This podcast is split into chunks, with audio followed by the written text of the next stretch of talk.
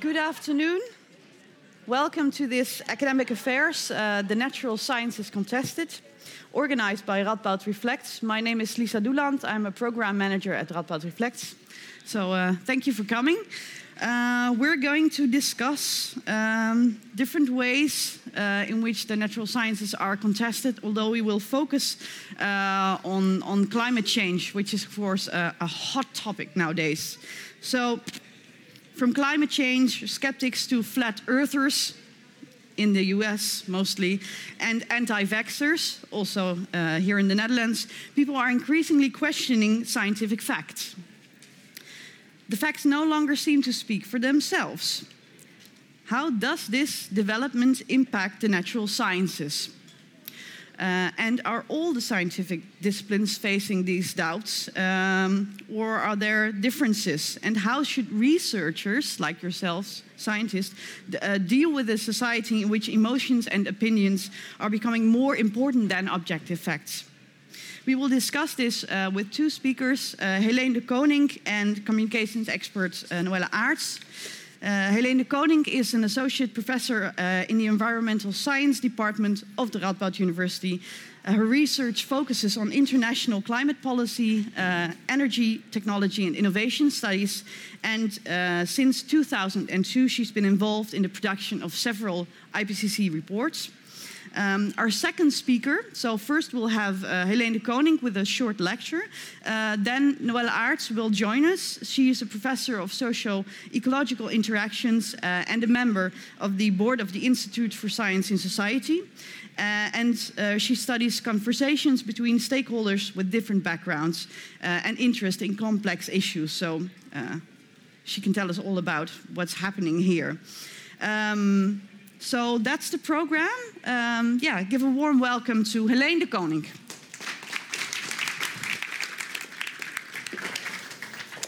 Okay, thanks very much. Um, so this is about the natural sciences contested, which is not something that I usually speak about. So that's why I prepared some notes, so I wouldn't go mistaken. And I thought I'd make it very much a, a bit of a personal history or a personal experience on, uh, on, on how I encountered climate skeptics primarily and how, how that changed my sort of walk of life. Um, so in 2000, I was still studying chemistry and environmental science here at this faculty. I joined the Max Planck Institute for Chemistry in Mainz in Germany uh, for an internship on uh, the reaction of HNO3 on Saharan dust in the higher troposphere. So I was really an atmospheric chemist, an atmospheric scientist. I had done courses on, on environmental chemistry, including on atmospheric chemistry and on climate change. And I had just come back from a research internship in Mexico, in Mexico City, on vulnerability to climate change in developing countries. And I really got to realize how, uh, how hard it is to establish statistically significant facts on uh, temperature changes and climate changes. So when I started in Mainz, I considered myself a pretty educated atmospheric scientist. Um, I was aware of the latest literature, which really pointed to the warming effects and added greenhouse gases due to human activities and potentially very severe consequences. Also, around that time, some of the climate skeptics started getting very active. In particular, a guy called uh, Hans Labohm, who, uh, who is an economist, he's still active, with ties to the renowned Clingendael Institute in, in The Hague. Labohm uh, wrote, I was in Mainz, and he wrote an opinion article in a newspaper, uh, which was so incredibly contrary to everything I had just learned during my education uh, that I just, I just couldn't believe it. I was just really flabbergasted. I mean, how could he write such a thing? He must have lacked access to papers or to knowledge, right? So he, he couldn't just write that while knowing what was out there. So I thought he just needed to read the right papers, right? He just needed to get access to the, the right natural science results, and then he would realize how mistaken he was. So I looked up his email address and sending him, I sent him a number of papers and long emails, lots of conversations, took a lot of time. Um, but then I realized that actually I was the one who was mistaken. He was not going to be convinced by science. He was not going to be convinced by all these papers in Nature and Science that I sent him. Not, no natural science result could overcome his conviction that the Earth temperatures actually weren't rising. Uh, that even if they were rising, that would not be due to human activities. And even if that were all true, uh, actually the consequences were mainly positive. So this actually really contributed to my career choices uh, later on. Because if all these key papers in nature and science um, could not convince somebody with a master's in e economics, why would I become a natural scientist? What was going to be my contribution if I wanted to do something about climate change, which was what I wanted? So I decided that I really wanted to make a difference and that the broader questions interested me more uh, than the detailed work I was doing in, in the lab in Mainz, even though I really enjoyed working with these big machines in, in the lab. So, fast forward about 10 years later, in 2010, um, after I spent a year and a half or so at the Max Planck Institute, I joined the Energy Research Center of the Netherlands um, as a policy researcher. So I was more researching the policy questions. Um, I just finished a PhD next to my work at uh, ECN, which had attracted some media attention uh, because it was just before the Copenhagen summit in, in 2009, and I basically predicted it would fail, and it did spectacularly. Um, and I was invited by NRC Handelsblad to join a cruise uh, to Spitsbergen in the far north. Um, 90 paying passengers would, join, would be joined by six experts uh, for a week long cruise uh, around the northwest coast of that uh, island or archipelago. Um, and would be getting talks from, from us experts and, uh, and landing and do all kinds of fun things there. It was really, really fantastic. Uh, it was great to be on that, in that position there. Of course, we were witnessing climate change right there, right? The North Pole is one of the places where the climate is changing much more quickly than in other parts uh, of the world. Even when we were there, we had some nice sunny days. It was June, uh, with temperatures during the day and in the night well above 10 centigrade. Uh, and um, we could see the retreat of the glaciers really quickly, uh, really, really right there. But despite all that, I think about half of the passengers there were basically not convinced that climate change was happening, uh, nor that it was caused by humans. About half of them. I mean, it was. I was flabbergasted. Right? These, these people paid like more than 4,000 euros for a week long cruise to witness climate change happening, and then half of them didn't even believe that this was actually. Yeah, so I, I was really, again, amazed. And to be completely honest, not even the experts on board were in full agreement. We were about six experts, uh, five of them really believed climate change was happening, e ecologists and, and, people like me, and also an archaeologist. But there was also one climate skeptic there, Professor Salomon Kroonenberg, who's a, a geologist, uh, by then already an emeritus uh, professor at Utrecht University. And he had just published a book, uh, The Menselijke Maat, in which he explained how climate change could not be man made and how the climate had always changed.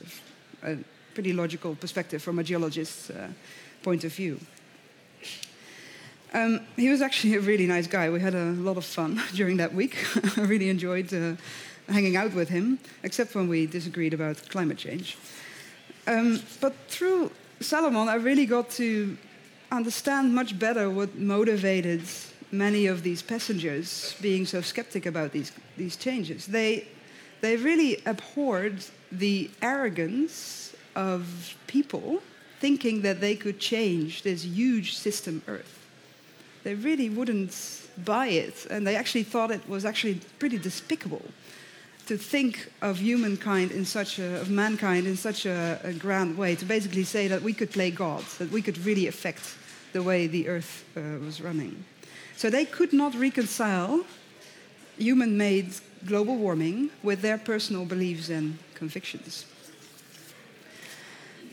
And moreover, they also lack the capacity to judge. And I think uh, one of the other passengers was uh, Ramsey Nasr, an actor and writer. who wrote a brilliant piece in NRC Handelsblad a, a couple of months later that summer. And he described how he was really split. He could not choose between Salomon, basically, and the rest. We, were all, we all had the, the right qualifications, we all sounded very reasonable, we all had reasonable arguments, and he just couldn't make up his mind. Who should he believe? So that led me to three take home points. First of all, natural science is not convincing everyone. Secondly, underlying beliefs can be stronger than scientific results. And thirdly, people have difficulty distinguishing between scientific arguments. So we're seeing now, I think, also yesterday, that the tide is changing. Uh, this morning, NRC.nl featured an article uh, about uh, the decline of climate skepticism. Even uh, among VVD and PVV voters, uh, the share is really going down. A lot more people are worried about climate change. I'm personally really thrilled that a newspaper like Algemeen Dagblad uh, is reporting really seriously about, about climate change. Um, and even the Telegraph, although it's still giving room to climate skepticism as well, on the climate march yesterday, it basically well, quoted me uh, from ANP without any kind of climate skeptics contesting it for a change. So that's also, I take courage from that. so I take courage from that, but I also realize that this is not due to science being believed more.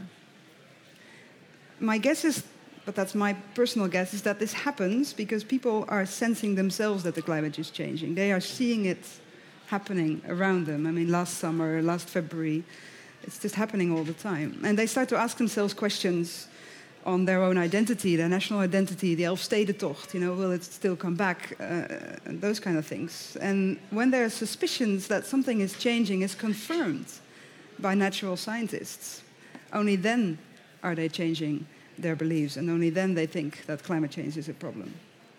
So eventually, people have to convince themselves, and I think Noelle can say much more about uh, what kind of science communication strategy sort of belongs to that. But I think it's, it's very clear, as Lisa said, that the facts are not speaking to themselves anymore. Thank you.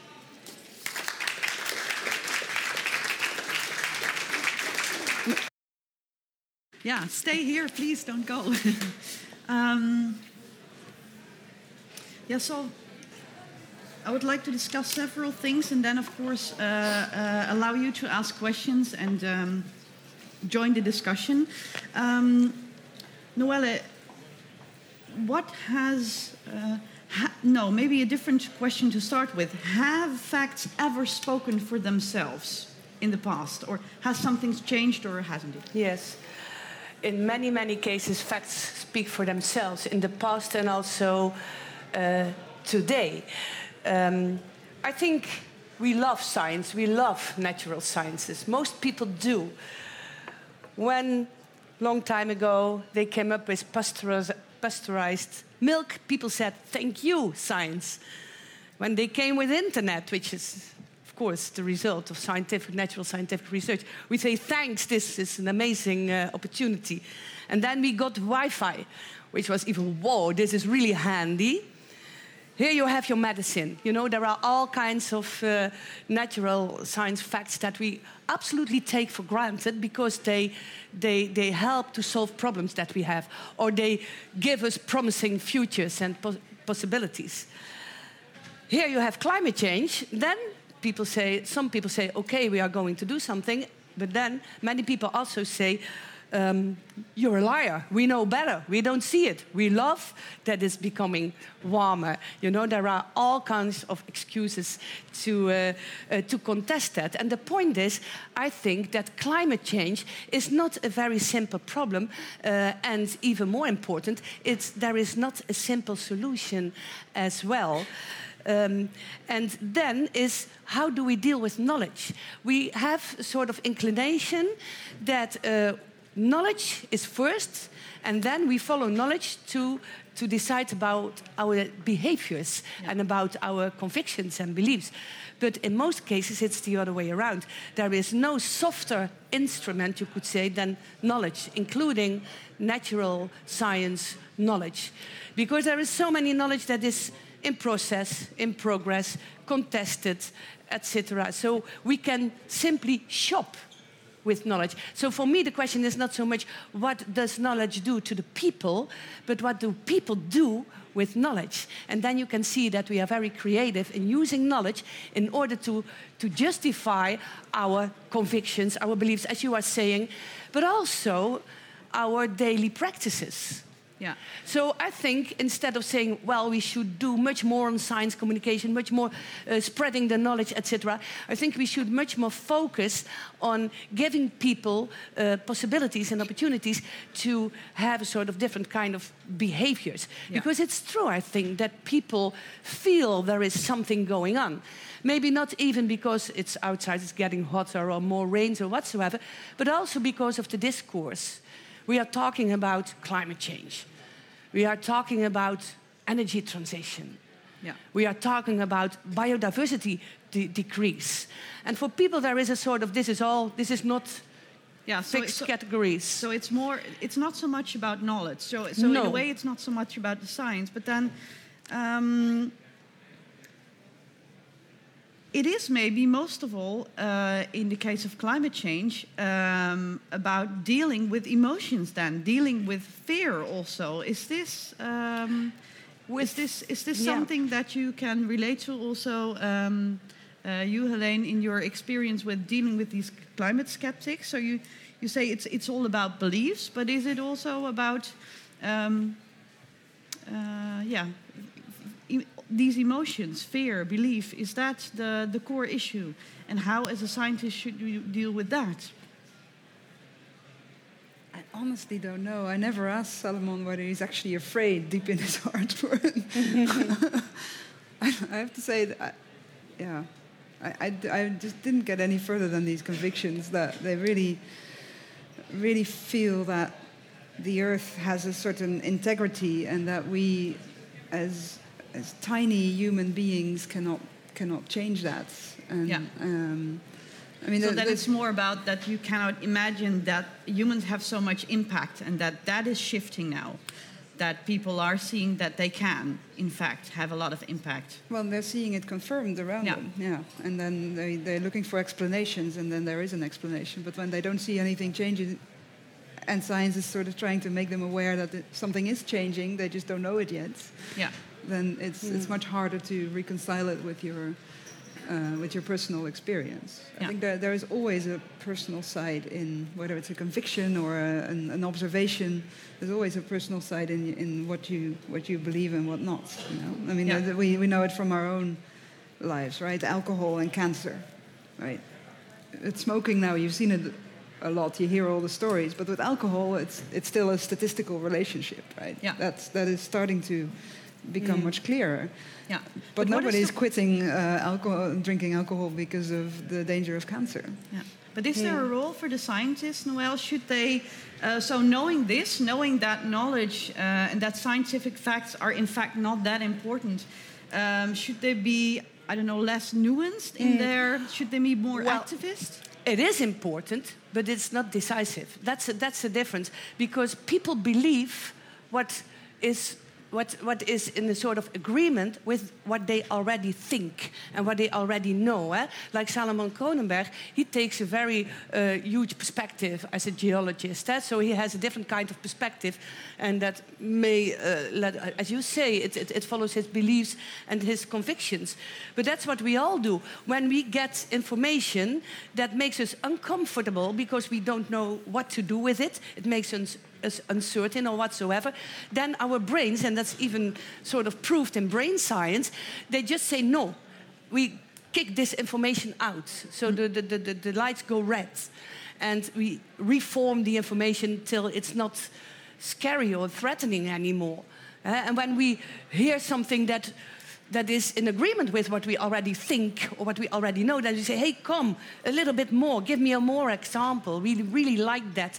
So that's what science, of course, and, and information is absolutely important. You can see, for instance, there was this uh, uh, in the newspaper, the, the, the Algemeen Dagblad, there was a very, very, I don't know whether you saw it, but very good um, uh, article on all the ins and outs of climate change, I think everybody should read that, you know, because it also included uncertainties. What do we know? What do Yeah. we not know? And what are our normative standpoints? Because that's also a thing. Eh? Uh, scientists present themselves, we have the facts, and you, well, you not. You may have the emotions, you know. So this idea of um, emotions is an identity issue in the end, because facts. Also, scientists they do not talk very often purely about facts.